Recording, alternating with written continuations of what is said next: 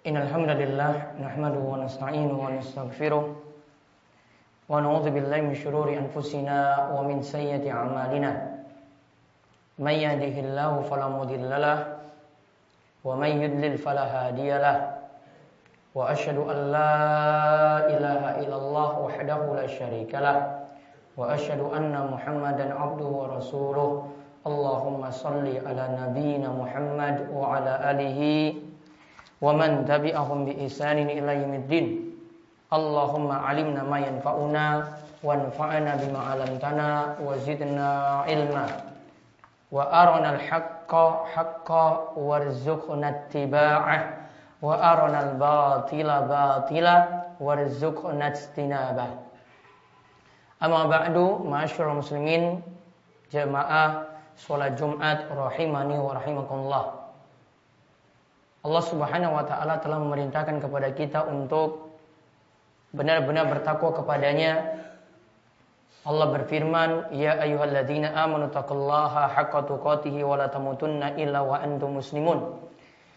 Wahai orang-orang yang beriman, bertakwalah kalian kepada Allah dengan sebenar-benarnya takwa dan janganlah sekali-kali kalian itu mati melainkan dalam keadaan beragama Islam. Segala puji bagi Allah, tempat setiap makhluk itu bertawakal dan bergantung pada Allah lah. Kita semuanya mengharapkan pertolongan. Kita menggantungkan setiap urusan kita. Tawakal inilah contoh dari dua Nabi Khalilullah yang menjadi kekasih Allah yaitu Nabi Ibrahim alaihissalam dan Nabi kita Muhammad Sallallahu Alaihi Wasallam saat menghadapi kesulitan yang berat, mereka ketika itu membaca Hasbunallah wa ni'mal wakil. Dan kata Ibnu Abbas ketika Nabi Ibrahim alaihissalam dilempar ke dalam api, beliau membaca Hasbunallah wa ni'mal wakil. Juga saat Nabi Muhammad Sallallahu Alaihi Wasallam itu menghadapi musuh, beliau itu membaca Inna nasa qad jama'u lakum fakhshawhum fazadahum imana Wa qalu hasbunallahu wa ni'mal wakil. Sesungguhnya manusia telah mengumpulkan pasukan untuk menyerang kalian. Karena itu takutlah kepada mereka. Maka perkataan itu menambah keimanan mereka dan mereka menjawab. Hasbunallah, cukuplah Allah yang menjadi penolong kami. Dan Allah lah sebaik-baik pelindung. Kata para ulama, maksud dari hasbunallah itu adalah kita merasa Allah lah yang mencukupi setiap urusan kita Sedangkan wani'mal wakil Allah lah sebaik-baik tempat kita bersandar menyandarkan segala urusan kita pada Allah Subhanahu wa taala untuk mendapatkan kebaikan dan terhindar dari berbagai macam musibah. Salawat dan salam juga semoga tercurah kepada junjungan kita Nabi besar Nabi Agung Muhammad sallallahu alaihi wasallam pada para sahabat, pada istri-istri beliau yang tercinta serta pengikut beliau yang mengikuti beliau dengan baik hingga akhir zaman mereka yang disebutkan tadi itulah yang memberikan kita contoh-contoh yang baik bagaimanakah kita bisa bertawakal dan beragama yang benar pada Allah Subhanahu wa taala. Ma'asyiral muslimin rahimani wa rahimakumullah. Kaitan dengan tawakal artinya itu kita pasrah menyerahkan setiap urusan pada Allah Subhanahu wa taala. Setiap hajat keperluan kita kita harap Allah lah yang mempermudah untuk urusan-urusan tersebut. Di dalam hadis yang diriwayatkan oleh Imam Bukhari dan Muslim, Abu Basir Al Ansari radhiyallahu anhu itu menyatakan bahwa ia pernah bersama Nabi Shallallahu Alaihi Wasallam di sebagian safar beliau. Dan di sini nanti diajarkan bagaimanakah kita punya tawakal yang benar pada Allah Subhanahu wa taala. Yaitu di antara bentuknya bapak-bapak, waro jamaah itu dilarang untuk menggantungkan diri mengharap pertolongan saking jimat-jimat. Nah, ketika itu Nabi Shallallahu Alaihi Wasallam itu memanggil seorang utusan. Dan ketika itu Nabi SAW memerintahkan Allah yabqayanna fi raqabati ba'irin kiladatun min watarin au kiladatun illa kuti'at. Nabi SAW itu merintahkan jangan sampai dibiarkan di leher unta. Itu masih terdapat kalung. Kalungnya dari tali busur. atau kalung pada leher unta tadi melainkan kalung tersebut itu dipotong. Hadis ini diriwayatkan oleh Imam Bukhari dan Muslim. Ini menunjukkan bahwasanya dulu orang itu menggantungkan dirinya agar bisa tertolong selamat. Untanya tadi itu bisa selamat. Itu kalau pakai sesuatu yang disebut dengan jimat-jimat tadi. Ada yang berupa kalung yang disebutkan dalam hadis ini. Juga kalau kita lihat saking hadis Ibnu Mas'ud radhiyallahu anhu ia mendengar baginda Nabi kita Muhammad sallallahu alaihi wasallam itu bersabda innar ruqa wat tamaim wat tiwala tasyirkun sesungguhnya ruqa mantra-mantra tamaim jimat-jimat tiwala pelet yang ini digunakan untuk menarik hati perempuan maka itu adalah kesyirikan. Syekh Muhammad bin Abdul Wahab ketika menerangkan istilah masing-masing kata tadi yang disebutkan dalam hadis, ada yang pertama disebut dengan ruko. Ruko di sini, kalau menurut beliau, sesuatu yang dipakai, ya ruko ini adalah sesuatu yang dibacakan. Ini yang kita sebut dengan rukiah. Namun kalau pada dukun orang pintar ini digunakan mantra-mantra sing ora jelas.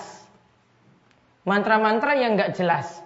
Bacaan yang mulutnya cuma komat kamit yang dibacakan itu tidak jelas dari ayat Al-Quran ataukah bukan.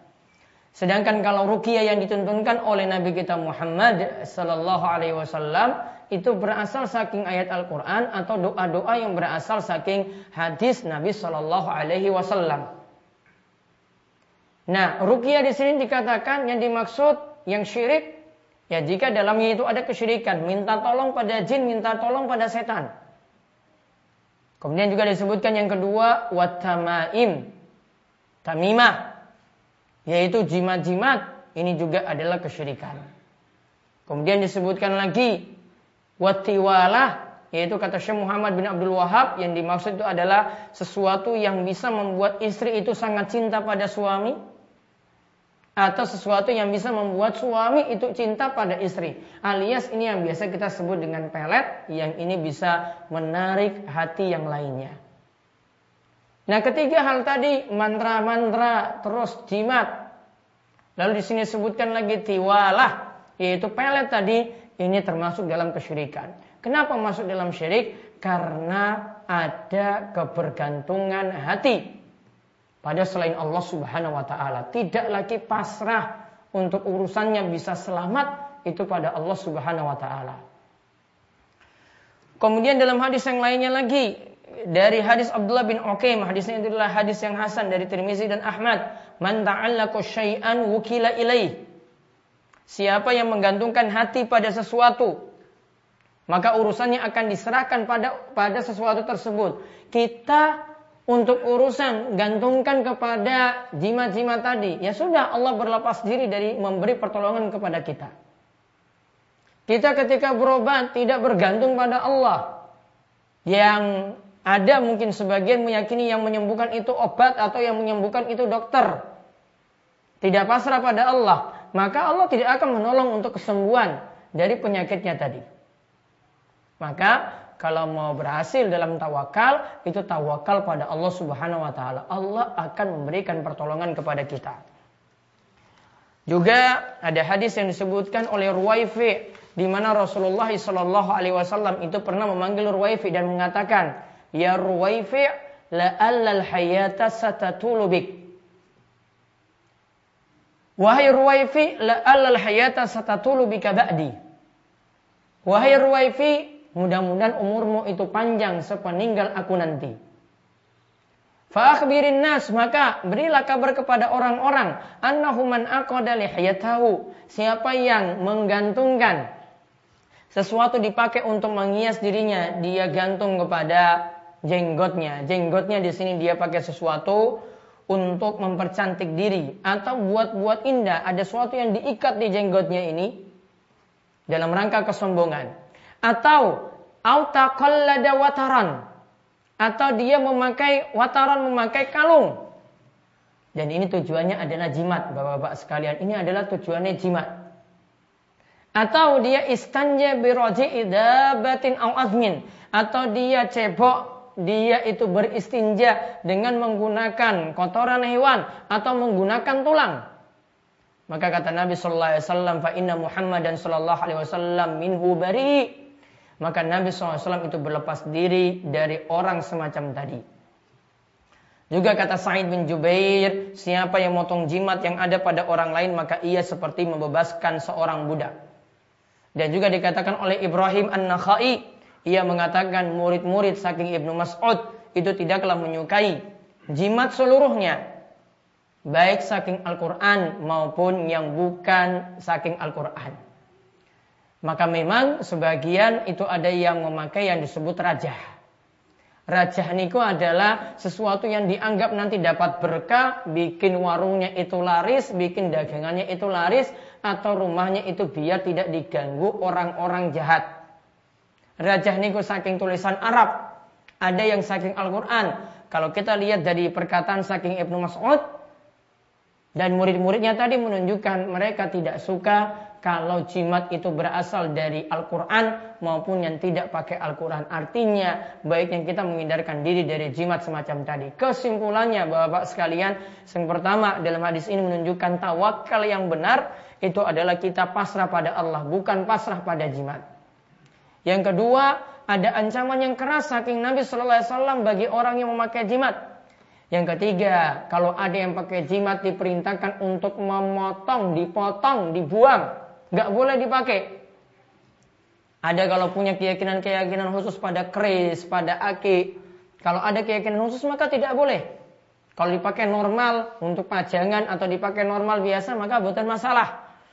Yang masalah itu kalau punya keyakinan-keyakinan khusus ini bisa mendatangkan wah ilmu sakti, bisa membuat orangnya itu kuat, bisa jadi orang yang terlindungi dari berbagai macam gangguan. Maka ini wajib untuk dihindari. Wallahu a'lam bishawab. Para jamaah sekalian rahimani wa rahimakumullah, demikian khutbah pertama ini. Aku qouli hadza wa astaghfirullah li wa lakum wa muslimin innahu huwas samiul alim.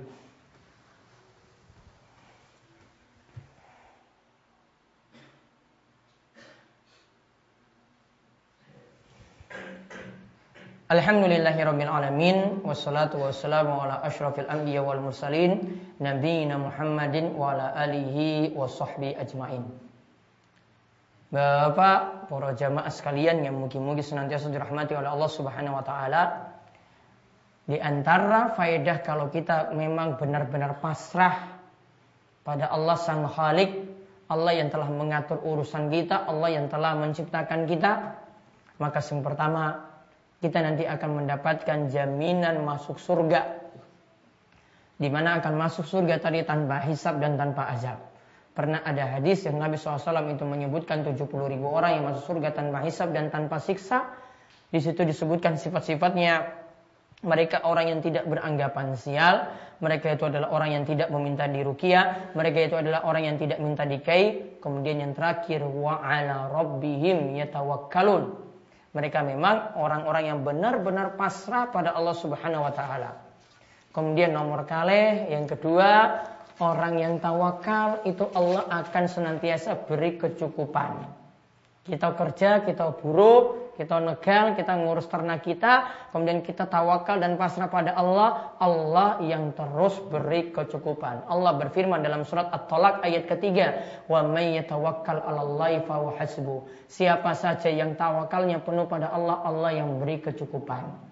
Kemudian yang ketiga, Allah sangat cinta sekali pada orang-orang yang bertawakal. Dia benar-benar pasrah untuk hasil taninya. Dia benar-benar pasrah untuk urusan-urusannya. Maka Allah benar-benar mencintai orang semacam itu. Inna Allah hibbul mutawakilin. Allah katakan dalam surat Ali Imran ayat 159. Sungguh Allah itu mencintai orang-orang yang bertawakal. Demikian khutbah untuk Jumat kali ini. Semoga kita menjadi orang-orang yang benar-benar bertawakal dan menggantungkan setiap urusan kita pada Allah dan kita dihindarkan dari berbagai macam musibah dan juga dari berbagai macam kesyirikan. Inna Allah wa malaikatahu yusalluna ala nabi Ya ayuhallazina amanu sallu alaihi wa sallimu taslima Allahumma salli ala Muhammad wa ala ali Muhammad Kama sallaita ala Ibrahim wa ala ali Ibrahim innaka hamidun majid Wa barik ala Muhammad wa ala ali Muhammad Kama barakta ala Ibrahim wa ala ali Ibrahim innaka Hamidun Majid. Marilah kita panjatkan doa pada Allah, mugi-mugi doa kita senantiasa diperkenankan oleh Allah Subhanahu wa taala. Allahumma ighfir lil muslimina wal muslimat wal mu'minina wal mu'minat al ahya'i minhum wal amwat innaka sami'un qaribun mujibud da'wat. Rabbana la tuzigh qulubana ba'da idh hadaitana wa hab lana min ladunka rahmatan innaka antal wahhab. Rabbana hab lana min azwajina wa dzurriyyatina qurrata a'yun waj'al waj'alna lil muttaqina imama. Allahumma inna nas'aluk al huda wat tuqa wal afaf wal ghina Allahumma inna na'udzubika min zawali ni'matik wa tahawuli afiyatik wa fujaati niqmatik wa jami'i sakhatik. Rabbana atina fid dunya hasanah wa fil akhirati hasanah wa qina adzabannar wa sallallahu ala nabiyyina Muhammad wa ala alihi wa sahbihi wa man tabi'ahum bi ihsanin ila yaumiddin wa akhiru da'wana anil hamdulillahi rabbil alamin. Aqimus shalah.